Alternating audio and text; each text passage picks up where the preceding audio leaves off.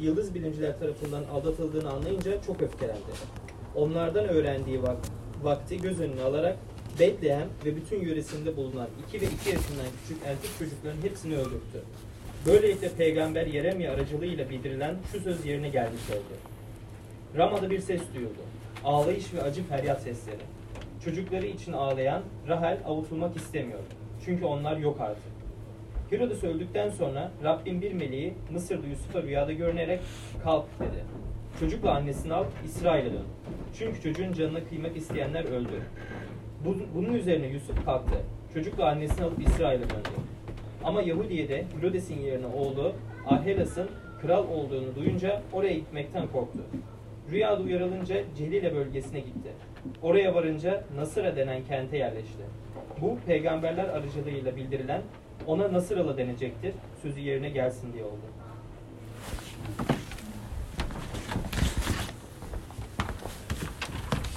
Teşekkürler. Ses gelmiyor galiba. Şimdi. Teşekkürler Can'cığım.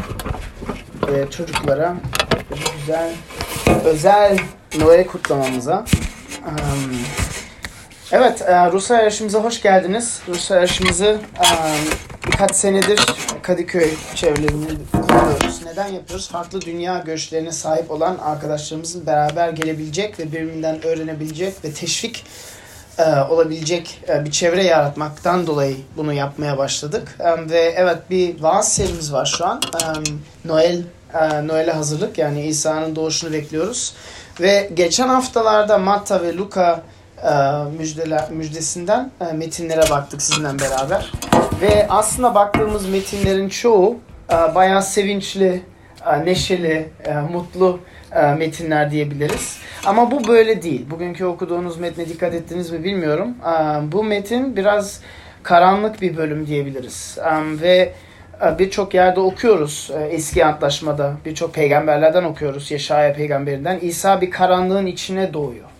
Bozuk bir dünyanın içine doğuyor. Um, muhteşem bir yere doğmuyor. Uh, ve uh, doğar, doğar doğmaz aslında bu metinde gördüğünüz gibi derhal bir, bir şiddetin arasında uh, kalıyor.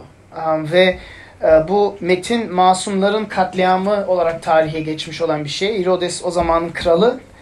Bu vaat edilen Mesih'i yok etmek için bütün Betlehem'deki bebekleri öldürtüyor. Ve bugün üç farklı ayet üzerine konuşmak istiyorum. Daha ziyade kısa meditasyon gibi olacak. Um, birincisi İsa'nın gelişi düşmanlık uyandırıyor.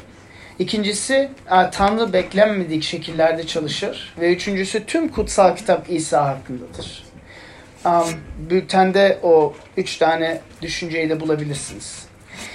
İsa'nın gelişi düşmanlık uyandırır. Benimle beraber 16. metne bakarsanız um, orada diyor ki Herodes yıldız bilimciler tarafından aldatıldığını anlayınca çok öfkelendi. Onların öğrendiği, onlardan öğrendiği vakti göz önüne alarak Bethlehem ve bütün yöresinde bulunan 2 ve 2 yaşından küçük erkek çocukların hepsini öldürttü. Um, geçen hafta da baktık e, bilginler e, Kudüs'e geliyor. Doğan bir kralı doğacak olan bir kralı bekliyor. Ve Herodes bunları görünce akademisyenlerini toparlıyor. Yani bütün e, kitapları bilenler, e, peygamberleri bilenler herkesi topluyor. Diyor ki bu kehanet nedir? Ve onlar diyor ki Betlehem'de bir bebek doğacak diyor. Ve o diyor ki ona bu, onu bulun ve bana getirin ki ben de ona tapayım bahanesini e, sunarak. Aslında tabii niyetleri farklı gö- okuduğumuz gibi. Ve yıldız bilimciler ama bebeği buluyorlar ama sonra da rüyada uyarı görüyorlar. Sakın krala geri dönmeyin. Ve böylece geri dönmüyorlar. Ve 16. ayet e, bakarsanız yani o zamanın e, Betlehem'in ş- e, köy nüfusuna bakarsak belki burada 20-30 çocuk arasında bir erkek çocuk arasında bir sayı öldürülüyor. Ve aslında bu birçok şey gösteriyor bize. En en meydanda olan bir şey Herodes bayağı acımasız ve vahşi bir önderdi, bir kraldı. Um, kendi kraliyetini, kendi egemenliğini sürdürmek için her şeye hazır olan bir adamdı. Daha genel bakarsak antik zamanlarda um, binlerce yıl evvel krallara aslında çok tipik bir davranış gösteriyor. Yani sadece Herodes böyle davranmıyordu.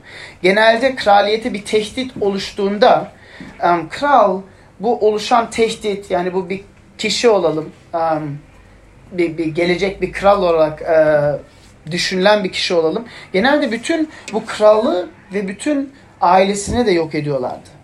Yani bir basbaya bir tiranlık vardı, bir vahşiyet vardı. Um, biraz bugüne gelirsek, tabii ki bugün kimseyi öldürmüyoruz umarım. Ama aynı fikir, aynı rekabet, aynı bencilliği yine de iş dünyasında görebiliyoruz. Um, bir patron veya bir müdür um, yeni birisi çıktığında, onun yerini alacak birisini çıktığında bunu her elinden gelen şeyle engellemeye çalışır. Bunu siz de belki bilirsiniz iş dünyasından. Ee, engellemese bile öfke içinde um, tepki gösterir. Belki öc almaya e, söz verir veya öc almak ister. Ama Mata daha genel bir noktaya dokunmak istiyor burada. Mata burada şu noktaya dokunmak istiyor. Bu benlik, bencillik, ben merkezcilik sadece berbat bir davranış değil, Rabbe karşı düşmanlık sergileyen bir davranış. Ve Romalı 8-7'ye bakarsanız Paulus şöyle diyor. Benliğe dayanan düşünce Tanrı'ya düşmandır diyor. Ve aslında burada Mata bütün insanın doğal tutumu Rabbe düşmanlık olduğunu somutlamak istiyor diyebiliriz. Um, yani insan Rabbe düşman. Neden düşman? İnanmak pek istemez. İtaat etmek istemez. Söz dinlemek istemez. Yani içimizde böyle bir nefret var. Sadece bu Herodes'te değil. Tabi bu nefret kendini farklı şekillerde sergileyebilir. Um, bilmiyorum biz bunun farkında mıyız? Ama kendi hayatımızda bunu um, görüyor muyuz? Daha basit söylemek gerekirse hiçbir insan başka birisi işine karışmasını istemez. Hiçbir insan karşısına birisi çıkıp yok sen bunu böyle yapmayacaksın böyle yapacaksın. Yok bu yanlış bunu böyle yap. Ya sen bunu unuttun mu bunu yapacaksın. Yahut iş hayatında özel hayatımızda hiç fark etmez. Hiçbir insan bundan hoşlanmaz. Biz kendi seçime hakim olmak istiyoruz. Kendi özgür irademize hakim olmak istiyoruz. Kararlarımızı kendimiz olarak vermek istiyoruz. Ve tabii ki Türkiye çevresinde aile çok önemli bir büyük yani aile çevresi çok önemli ve belki diyorsunuz ki bana evet yani ama bu belki biraz daha fazla batı dünyalarda bencillik bireyselcilik daha fazla orada görülüyor ve haklısınız ama Türkiye'de de böyle aslında dikkat ederseniz teoride evet teoride um, ailene saygı, anne babaya sevgi göstereceksin. Onların sözünü dinleyeceksin.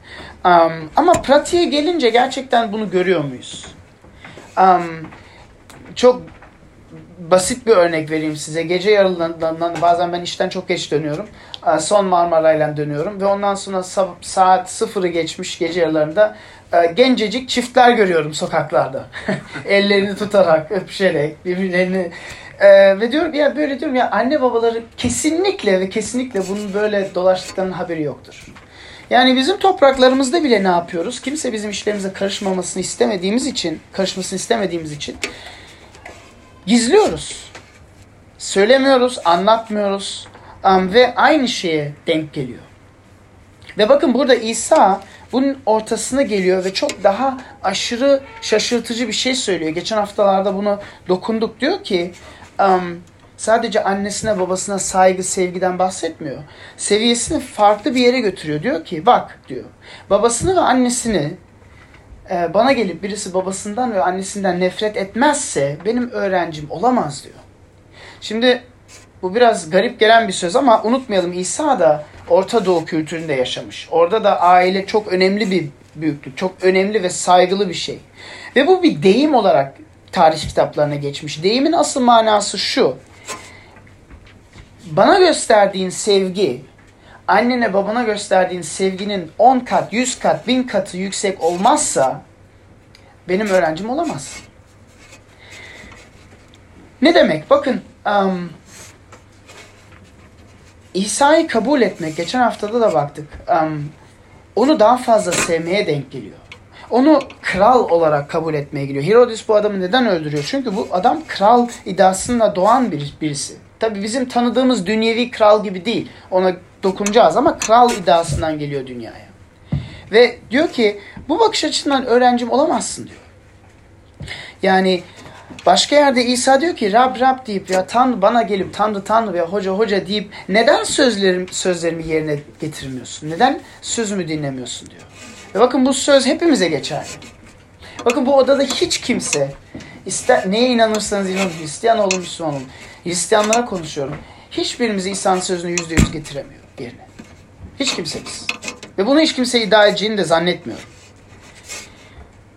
Neden böyle bir şey söylüyor? Neden hayatımız um, ezgilerde söylediğimiz gibi değil? Ezgilerde o uh, sevinç içinde, mutluluk içinde, itaat içinde değil. Bakın hepimizin kalbinde ve Mata'yı daha genel okursak hepimizin kalbinde minik bir Herodes var. Minik bir tiran var. Ve diyor ki kimse bana ne yapacağımı söyleyemez. Kimse benim işlerime karışamaz. Ve bu çok gerçek ve çok derin bir bir um, bir düşünce.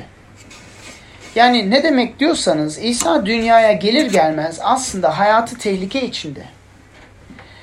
İlk nefeslen hemen onu öldürme niyetinde olan insanlar var.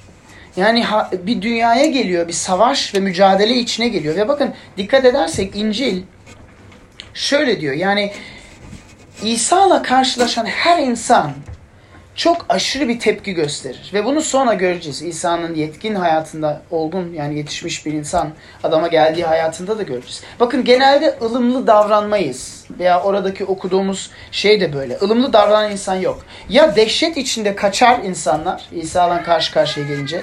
Veyahut öfkelenip ona saldırmaya kalkar. Çünkü söyledikleri hiç beğenmiyorlar. Veyahut diz çöküp teslim olarlar. Yani burada yine ya hep ya hiç diye bir bir duruş var. Ve neden diyorsanız bakın İsa'nın iddiası kral olmakta kalmıyor ki. Ve kral kral iddiasında kalsak bile diyor ki kendi canını gözden çıkarıp çarmıhını yüklenip ardından gelmeyen öğrencim olamaz diyor. Yani kendi hayatından nefret eden, e, etmeyen benim öğrencim olamaz diyor. Yani kendi bencilliğinden, ben merkezciliğinden kopmaya razı olan, hazır olan benim öğrencim olamaz diyor. İlk boyut bu. Peki pratik olarak, pratik olarak bakın belki farklı gruplardan bugün oluşuyoruz. Belki siz diyorsunuz ki ben Hristiyanım diyorsunuz. Ben İsa'nın ardından yürüyorum. Onun sözlerine çok değer veriyorum diyorsunuz. Ama bak içinde hala minik bir Herodes var. İsa'nın sözlerine nefret eden hala bir şey var. Belki ha tamam bu sözü kabul ediyorum ama bu sözü kabul etmiyorum. Ha, bu alanın, bu hayat alanıma karışabilirsin ama bu hayat alanıma karışamazsın. Tamam pazar günü hayatıma karışabilirsin ama pazartesi karışamazsın. Tamam aileme saygı, sevgi gösteriyorum ama paramla ne yaptığıma karışamazsın. Sevgilimle ne yaptığıma karışamazsın. Bunu hayatınızdan tanıyor musunuz? Kendi hayatınızdan bunu tanımanız lazım. Bakın örnek vermek için dua etmek neden bu kadar zor? bir pastör ve bir yazar dedi ki dua, dua hayatımı, hayatımı alt üst etmek için tek gerekli olan bir sineğin vızıldaması dedi. Ve son anı açıkladı. Dikkatim dağılıyor dedi. Odaklanamıyorum dedi. O sineğin peşinden gidiyorum. Ne vızıldıyorsun, neredesin, ee, onu öldürmekle peşindeyim filan dedi. Yani neden? Çünkü içimizde bir duaya, bir teslime karşı çıkan bir şey var. Bir hesap vermeye karşı çıkan bir şey var. Hiç kimse başka insana hesap vermek istemiyor. Ve hiç kimse Tanrı'ya hesap vermek istemiyor. Ve bakın Matta burada bize yazdığı şey iman hayatı aslında bir dans gibi değil.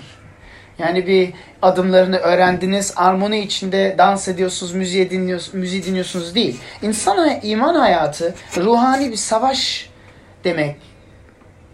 demektir diye düşünüyor, diye tanıklıyor bizde. Yani kendi yüreklerimizdeki olan o minik Herodeslerden ötürü öyle bir durum var diyor. İsa merkezinde kral olması için bu çok aşırı bir yani çok emek vermek gereken bir şey ve emeklen olmayacak bir şey. Aslında bunu yapamayacağımızı anlamamız lazım.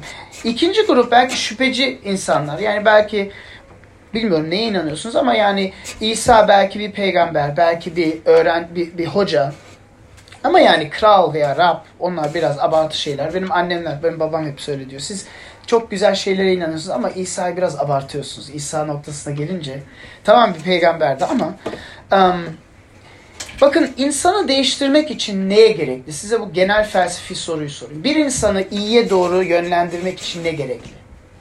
Sadece Yol göstermek mi gerekli? Bir buyruk vermek, emir vermek mi gerekli? Anayasa, anayasa çözüyor mu bizim durumumuzu? Yalan söylemeyeceksin, fatura alacaksın, devlete para ödeyeceksin. Anayasa çözüyor mu bunu? Bu soruya hayır dediğiniz takdirde o zaman herhangi bir peygamber bu durumu çöz, çözeceğine inanmadığınızı ifade ediyorsunuz. Çünkü kurallar yeterli değil. Bakın birçok kural var. İnsanlar neden bu kuralları çiğniyor? Bir ton kural var ama neden devamlı insanlar bu kuralları eziyor? Ve daha derine gidersem bu kurallar olsa bile insanı zorla bir şeye dürtüyoruz değil mi? Yani kendiden, kendimizden yapmıyoruz. Belki belki bu kuralları çiğnemekten korkuyoruz. Belki cezasından korkuyoruz. Annem hep diyor ki Türkiye'deki tek sorun ceza yok. 100 ya ara, ara, karayolda 80 gideceksin ama 90 gidince seni durdurup ceza kesen, e, merhametsiz bir şekilde ceza kesen birisi yok. Ve bu olmadığı sürece herkes 120 ile gidecek diyor. Peki bu mu? Yani zorla, dış koşullarla insanı bir çerçeveye sokmak mı? Dünya öyle mi daha iyi bir yere dönecek? Bakın buradaki iddia şu. Dıştan içeri doğru hiçbir zaman bir insan değişmez. Dıştan içeri doğru yani dıştan ona kurallar vererek, ona bunu yapman lazım, bu doğru, bu yanlış, bunları söyleyerek dıştan içeri doğru hiçbir zaman hiçbir insan değişmeyecek. Onun için İsa peygamber olsa bile tek yapabileceği şey şu. Al bak yol bu, yürü. Benden evvelki peygamberler, yüzlerce peygamber aynı şeyi söyledi. Al, yürü. Ama yürümüyoruz ki. Yürümüyoruz. Ve insanı zorla o yöne sokmak istiyorsak e, iki tane şey kullanıyoruz. Korku ve kibir. Korku, bunu yaparsan sonun hiç iyi olmayacak çocuğum. Veya dindar versiyonu, bunu yaparsan cehenneme gideceksin çocuğum. Um, ve kibir. Kibir, ya senden daha iyi beklerdim. Yani çok yani senin böyle bir şey yapacağını hiç yani gerçekten kalbimi kırdın. Ya sen bunlardan daha iyi değil misin? Sen yalan söylemeyen birisi değil misin? Ya af af af ya ne söyleyeceğimi şaşırdım yani. Korku ve kibir. Ama dünyaya bakarsanız dünyayı berbat eden iki tane şey korku ve kibir. Korku ve kibirden hiç iyi bir şey çıkmıyor ki. Peki bunu neden kullanıyoruz insanları doğru yola göndermek için? Bakın İsa'nın iddiası Yohana müjdesinde 14. bölümde diyor ki ben size yol göstermeye gelmedim diyor. Çünkü o yolu yürümeye isteğiniz ve gücünüz yok diyor. Siz kendi durumunuzu ne kadar berbat bir durumdasınız tam anlamadınız diyor. Ben kalbinizi fethetmeye geldim diyor. Bakın İsa'nın yaklaşımı içten dışa. Dıştan içe insan değişmediğini bildiği için içten dışa doğru insan değişmesi lazım. İlk önce kalbisini etkilemesi lazım. Ve buna ne diyor? Yol, gerçek ve hayat benim diyor. Bakın ateistler bile bunu itiraf ediyor. Ateist yazarları Thomas Nagel biliyorsunuz Pulitzer ödülünü kazanmış. Son Söz kitabı Türkçe'de mevcut. Diyor ki kendi hayatıma baktığımda ve etrafımdaki insanların hayatına baktığımda kozmik evrensel bir otorite sorunu görüyorum diyor. Ben sadece Tanrı'ya inanmıyorum değil. Ben Tanrı'ya inanmak istemiyorum diyor. Ben dünyanın, evrenin böyle bir yer olmasını istemiyorum. Ben üzerimde bir varlık benden hesap sormasını istemiyorum diyor. Bakın inanmaktan çok daha ötesine gidiyor. Diyor ki ben böyle bir yeri böyle kabul etmek istemiyorum ama İsa'yı kabul etmek için tek koşul kendi çaresizliğini kabul etmek. Evet bana bir peygamber yeterli değil. Bu peyg sorunun peygamberliğin çok ötesinde. Ben sadece yolu göstermek değil. Ben, benim yerime o yolu yürüyen birine ihtiyacım var. Belki ama araftasınız. Belki Hristiyan değilsiniz. Belki şüpheci değilsiniz. Ama belki araftasınız. Yani kabul ediyorsunuz. Belki ara sıra kiliseye gidiyorsunuz. Belki um, imanım ya bilmiyorum var ama güçlü değil. Bir gün oraya bir gün oraya. Um, hayatı kötüye gidince belki benim birçok arkadaşım var hayatları kötüye gidince cuma namazına giderler. Um, öyle belki gibi bir manevi şey olsun diye bir şeyler yapıyorsunuz. Belki İsa'nın söylediklerini doğru buluyorsunuz ama hayatınızda yer almıyor. Önemli değil. İsa'ya karşı ne öfkelisiniz, ne korkaksınız, ne hayransınız, ne teslimsiniz. Hiçbir şey değilsiniz. Yani ne merkezinizde um, ne de yaşamınızın tek anlamı. Bakın bu ılık tutum bütün tutumlardan en kötü tutum. Keşke İsa'ya karşı öfkeli olsanız. Keşke onun söylediklerine sinirlenseniz. Bakın yılbaşı yani 2021'in e, Ocak aylarında um, Vahiy kitabındaki kiliselere yazılan mektuplara baktık ve en fazla fırça yiyen, yargılanan kilise İsa tarafından Laodikya Kilisesi. İsa ne diyor? Keşke ya sıcak ya soğuk olsam diyor. Ama o kadar ılıksın ki ağzımdan tüküreceğim seni. Hiçbir iyilik bulamıyorum sende. Neden? Çünkü nefret etsek İsa'nın kim olduğunu daha doğru bir cevap veriyoruz. Onun iddialarına daha e, doğru bir şekilde cevap veriyoruz. İkinci noktaya gelelim. Tanrı beklenmedik şekillerde çalışır. Bakın 23. ayete bakarsanız 23. ayette diyor ki um, oraya varınca Nasra denen kente yerleşti. Bu peygamberler aracılığıyla bildirilen ona Nasreli denilecektir sözü yerine gelsin diye oldu. Nasire nerede biliyor musunuz? Nasire kenti. Peki Kıroğlu köyü nerede biliyor musunuz? Kıroğlu köyü.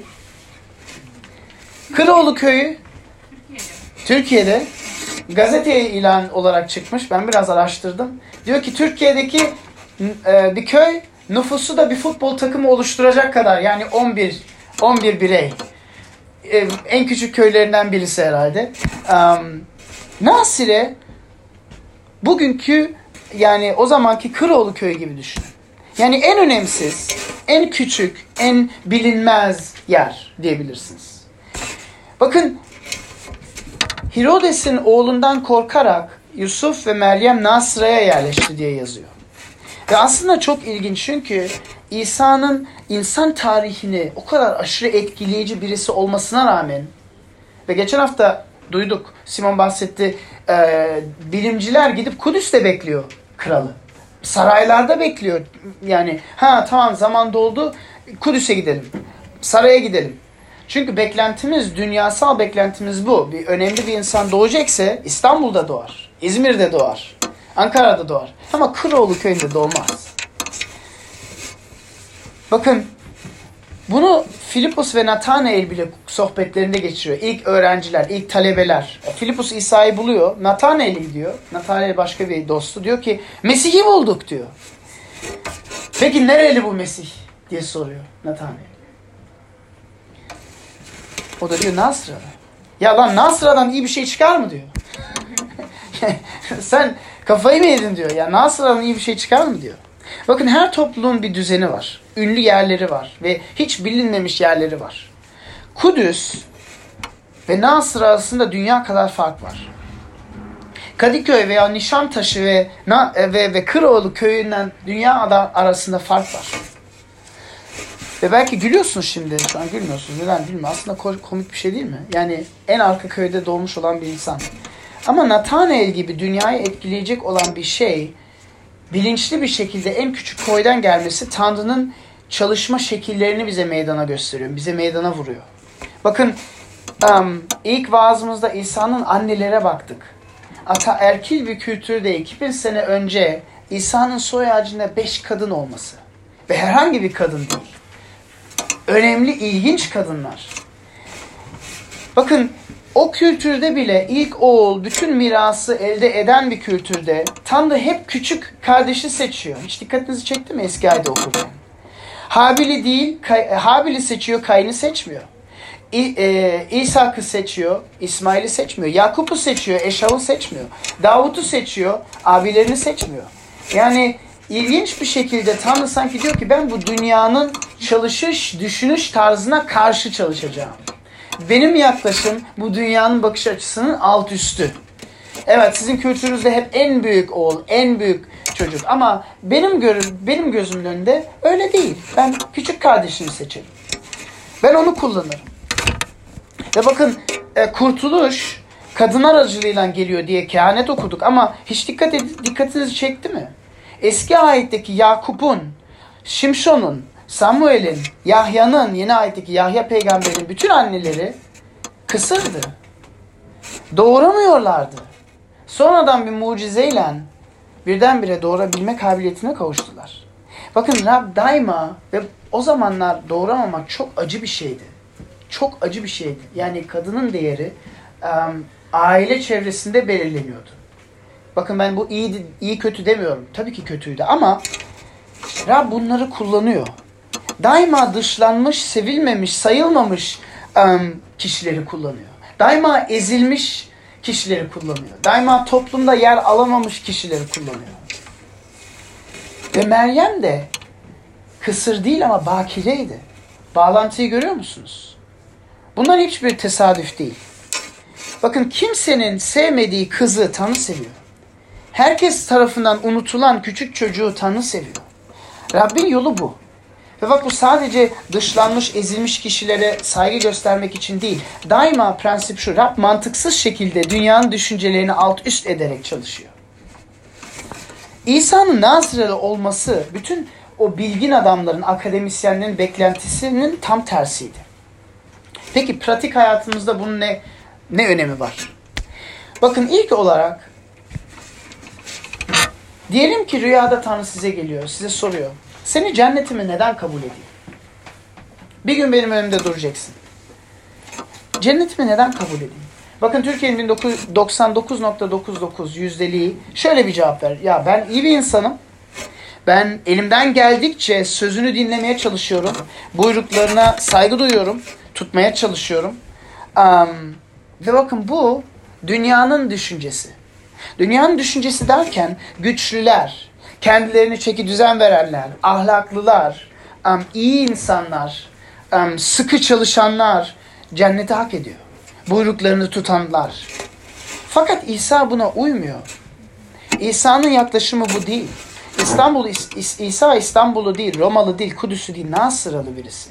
Yani en önemsiz köyde doğmuş olan birisi. Ve çarmıha baktığınızda, İsa'nın çarmıhta öldüğüne baktığınızda, hayatın bütün simgesini onu olarak kabul edersek, bize şunu diyor. Tüm gücümü, bak ben Tanrıyım iddiası. Yahudiler ondan öldürdü bunu. Tanrı iddiasında bulunduğu için öldürdü. Diyor ki ben tüm gücümü bırakarak bir insan olarak mükemmel bir hayat yaşayarak ölümü yendim. Yani yen, yenildim gibi ama yenilerek zaferimi kazandım diyor. Bakın bütün beklentileri alt üst ediyor. İkinci pratik uygulama sen de bunu ta- ta- taklit et. Çevrende bir sevilmemiş birisi varsa sen onu dahil et. Çevrende ezilmiş bir insan varsa sen onu sen ona iyilik yap. Tanrı'yı taklit ediyorsun. Bak çok önemli bir şey. Sen kalbinde sevemeyeceğin bir insan varsa bil ki Tanrı buna çok aşırı bir derecede ka- karşı çıkıyor. Aşırı bir derecede seni eleştiriyor. Çarmıha bak. Üçüncü noktaya geleceğim. Tüm kutsal kitap İsa'nın hakkında. Um, bakın dedik ki kefaret güçsüzler için İsa'nın iddiası bu. Um, ilginç olan bir şey ve biraz daha uzun uh, cevaplayacağım bu, bu bu noktayı. Bakın İsa, Yusuf ve Meryem Mısır, Mısır'dan kaçıyorlar ve başka yere çıkıyorlar. Herodes ölünce sonra tekrar Yahuda'ya dönüyorlar. Celile'ye dönüyorlar ve orada Nasra'ya oturuyorlar. Otur, orada taşınıyorlar. Ve bakın 15. ayette diyor ki bu peygamberlik sözün yerine gelmesi için olmuş diyor. Yani oğlumu Mısır'dan çağırdım peygamberlik sözü diyor. Şimdi ta tamam siz araştıran insanlarsınız. Eski ayda açıp bakalım böyle bir kehanet olmuş olması lazım herhalde. Bakarsanız ne beklersiniz? Şöyle bir şey beklersiniz. Mesih önce Mısır'a, sonra Celile'ye, sonra Yahuda'ya, sonra Nazre'ye oturdu. Gitti. Bir de bakıyorsunuz öyle bir şey yok. Buradaki alıntı Hoşea peygamberin kitabında 11. bölüm 1. ayetinde ve bakın kehanet bile değil. Peygamber sözü bile değil. Yani sadece ne diyor? Rab İsrail'le konuşuyor. Ve onlara oğlum diyor. Ve diyor ki sizi oğlumu Mısır'dan çağırdım diyor. Ama İsrail'le konuşuyor. Bakın Hoşea burada İsrail'in tarihini elden geçiriyor. Mısır'daki kölelikten kurtulmalarını e, elden geçiriyor. Sına Dağı'na çağrılmış olup on emirlerini karşıladıklarını Musa altında elden geçiriyor. Sonra da Yahuda ülkesine gitmelerinden bahsediyor. Rab İsrail'i kölelikten çıkarttığından, Mısır'dan, çaresizlikten kurtardığından bahsediyor. Peki Mata burada ne yapıyor? Bakın çok ilginç. İsrail'in tarihine bakarsanız Tanrı onlara on emir veriyor. Diyor ki benim sözümü dinlerseniz bereketleyicim, güzel, servetli bir halk olacaksınız diyor. Vaat edilen ülkeye gideceksiniz ve süt ve bal içinde yaşayacaksınız diyor. Ve İsrail ne diyor? Yok. Sözünü dinlemeyeceğiz diyor. Veya sözünü dinleyeceğiz ama yine de yapmıyorlar. Sonra tekrar tekrar aynı şey devamlı bu İsrail tarihinin somutu. Söz dinle bereketliyim seni diyor. Yok yapmayacağız diyorlar. Yasama uygun yasa, yaşa diyor. Um, fakirlere iyilik et. Bunlara iyilik et. Bunu yap. Bereket vereceğim. Yok. İsrail tarihi bu. Belki siz bunu şimdi duyuyorsunuz diyorsunuz ya evet ya ne aptallar diyorsunuz. Bu İsrailler ne kadar kafasızlar diyorsunuz. Ama bakın fazla eleştirmeyelim çünkü aslında bütün hikayemizi anlatıyor İsrail'in tarihi. İnsan ırkın mikrokozmunu anlatıyor. Daha geriye gitsek, Adem ve Havva'ya gitsek aynı durum. Sözümü dinle seni bereketleyeceğim diyor. İstediğini yap tek şu ağaçtan yeme diyor. Ne yapıyor? Yok diyor.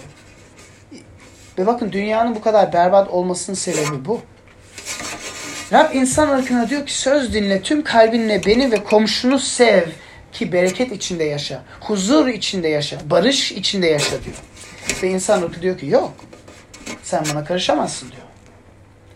Gerçekten bunu bir peygamber çözebilir mi? Çünkü devamlı yol göstermiş zaten peygamberler. Devamlı yol göstermişler. De, bunu yap, bunu yap, bunu yap. Hayır. Peki umut var mı? Bakın umut var. Tanrı'nın esas gerçek oğlu dünyaya gelse ve gelir anında tepki görse, düşmanlık, şiddet görse ve Mısır'a Yahya'dan sonra başka yere Yahuda'ya yerleştirse bak fark nedir? Bu söz dinleyen bir insan. İsa'nın tek bir günah bile işlemediğini kitaplara geçmiş. Siz biliyorsunuz. Tanrı'nın tüm isteğinle, tüm kalbinle, tüm aklıyla, canıyla söylediklerini yerine getiren bir insan. Komşusunu kendinden de daha fazla seven bir insan. Düşmanlarını bile seven bir insan. Çarmıha gerildiği zaman onu çarmıha gelen askerler için dua ediyor. Tanrım bunun günahlarını affet diyor. Ne yaptıklarını bile bilmiyorlar diyor. Bakın bu İsa'nın hayatı eşsiz bir hayat. Hatasız bir hayat. Sevgi dolu bir hayat. Muhteşem bir hayat. İnsan tarihinde tek böyle bir hayat görüyorsunuz. Ve bu İsa'nın hayatı. Rabbin sözünü dinleyerek tek kişiyi bile incitmeyen bir insan. Peki bunun ödülü nedir? Tanrı hep demiş insanlara buyruklarımı tut. Güzel, iyi bir insan olarak yaşa. Bunları yap, bunları yap. Bereketleyicim. Ödül ne olması lazım? Altın bir taç. insanlar tarafından alkış. Kraliyet elbiseler. Bakın insan ödülü neydi? Altın taç yerine onun kafasına dikenli taç koydular. Alkışlama yerine bütün arkadaşları onu terk etti. Kraliyet elbiseler vermelerine yerine zulüm altına koydular ve alay elbisesi koydular üzerine. Neden? İsa bunları neden yapıyor? Bakın bizim hak ettiğimiz cezayı, laneti ve gazabı üzerine alıyor. Bakın hiçbir insan Tanrı'nın standardına uyamadı. Ve Tanrı'nın standardı sonsuz bir standart. Nasıl uyabilsin ki? Ve Tanrı'nın cevabı tamam. Siz uyamıyorsunuz. İki çözüm var. Ya cezasını siz vereceksiniz veya ben vereceğim. Ve Tanrı'nın cevabı ben insan bedenini alıp gelip kendi yasamı yüzde yüz yerine getirerek insanlara gerçek sevginin ne olduğunu göstererek insanların yüreklerine dokunarak insanları içten dışa doğru değiştireceğim. Ve bir değiş dokuş yapacağım. Bütün laneti ben üstleneceğim. Bütün bereketi onlara vereceğim. Bütün cezayı, bütün gazabı ben üstleneceğim. Onlara ödülü vereceğim. Ve bakın mucize bu. Ve Mata'da gördüğümüz şey bütün bu alıntılar İsrail hak, hakkında olmasına rağmen bunu İsa'nın üzerine yazıyor. Yani bakın kutsal kitabı iki farklı şekillerde yazabilirsiniz, okuyabilirsiniz. Dedim ya Tanrı sizin rüyanızda karşılasa dese neden seni cennete bırakayım? Ve siz de saysanız şunları yaptım, şunları yaptım, şunları yaptım. Bakın öyle olmuyor. Ve öyle olduğu zaman bütün kutsal yazıları kendimiz üzerine yazılmış gibi okuyoruz. Ve kutsal kitabı da böyle okuyabilirsiniz. Ama böyle okumak büyük bir hata olur. Çünkü bütün kutsal yazılar İsa'nın üzerine yazılmıştır. Onun yapıla, onun yerine getirecek şeylerin üzerine yazılmıştır. Yani bir insan kendi başarısıyla Tanrı'nın lütfünü, onayını, alkışını kazanması diye bir söz konusu değil. Paulus şöyle diyor. Allah'ın lütfu sayesinde imanınız aracılığıyla kurtuldunuz. Ve bu sizin başarınız değil, Allah'ın armağanıdır diyor Efesler 2'de. Ve bundan dolayı bütün kutsal kitabı okuduğumuz zaman İsa'nın üzerine okuyalım.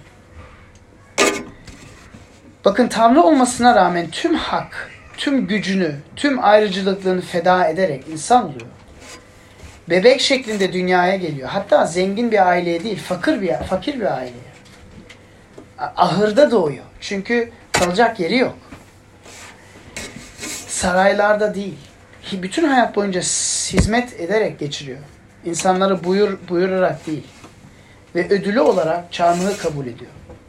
Cehenneme girmeyi kabul ediyor. Bize yeni yaşam vermek için onun gibi yaşam onun gibi yaşama isteği vermek için bizim yüreğimize dokunuyor. Ve içimize ne konuyor? Kendi hayatımızdaki günaha karşı savaşma savaşma isteğini koyuyor. Gerçekten onu benzer, benzer benzerli bir şekilde yaşama isteğini koyuyor. Onun sözünü dinleme isteğini koyuyor. Neden? Korkudan değil. Kibirden de değil. Çünkü İsa zaten kabul etti. Ne diyor Paulus? Lütuf sayesinde kurtuldunuz diyor.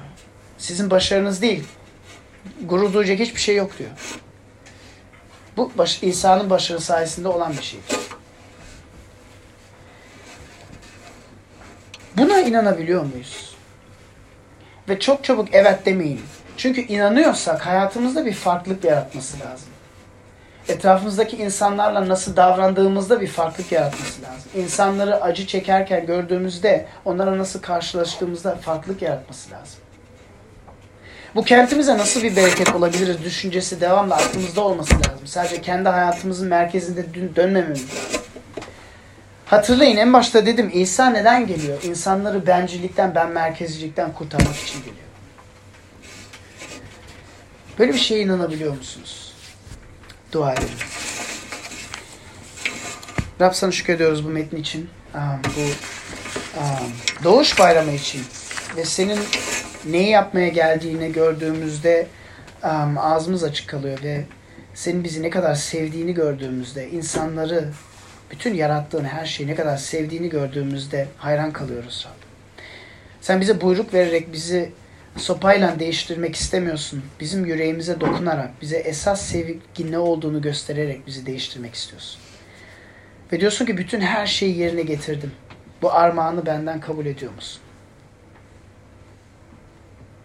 Sana şükrediyoruz İsa Mesih. Amin.